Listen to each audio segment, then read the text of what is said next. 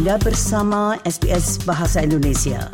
Dapatkan lebih banyak lagi cerita bagus di sbs.com.au garis miring Indonesia. Saudara pendengar, sebuah laporan dari Bank Dunia menemukan triliunan dolar telah dihabiskan untuk subsidi bahan bakar fosil, pertanian, dan perikanan yang menurut bank dapat digunakan untuk mengatasi perubahan iklim. Berikut ini laporan tentang hal tersebut yang disusun oleh Ayman Baghdadi dan Ryan Tamer untuk SBS News. Laporan dari Bank Dunia menunjukkan total subsidi sebesar 7,25 triliun dolar per tahun telah digunakan untuk mensubsidi bahan bakar fosil, pertanian, dan perikanan.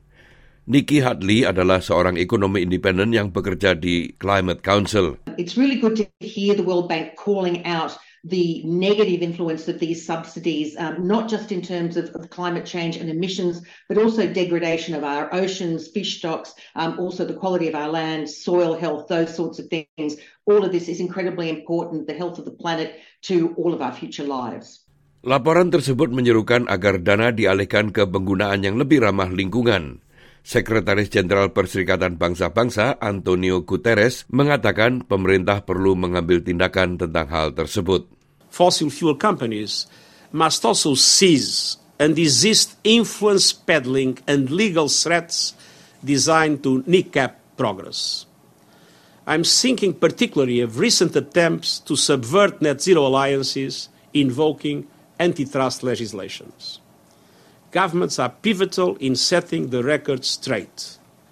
They must help by providing clear reassurance.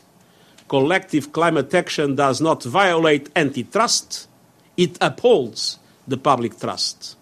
Laporan itu menemukan bahwa negara-negara membelanjakan kira-kira enam kali lebih banyak untuk subsidi konsumsi bahan bakar fosil daripada komitmen mereka untuk energi terbarukan dan pembangunan rendah karbon sesuai dengan perjanjian Paris.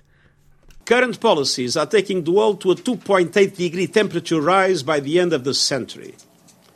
That spells catastrophe, yet the collective response remains pitiful.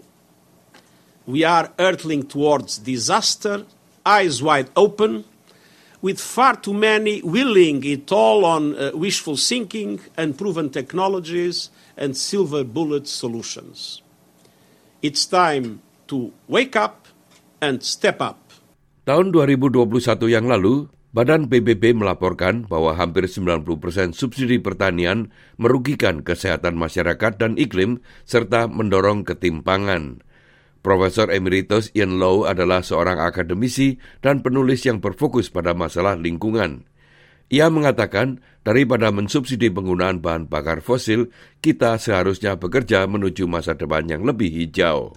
Rather than subsidising the continued use of fossil fuels, we should be using that money to fund the transition, uh, supporting low income households to have solar panels on the roof, developing community scale batteries, uh, accelerated uh, introduction of pumped hydro schemes, because everyone agrees if we're going to get all of our electricity from solar and wind, we need more storage than we have at the moment.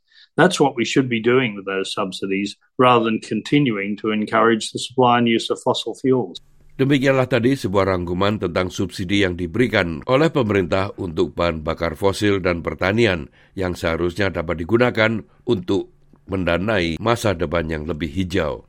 Rangkuman itu disusun oleh Eamon Baghdadi dan Ryan Tamer untuk SBS News dan disampaikan oleh Ricky Kusumo.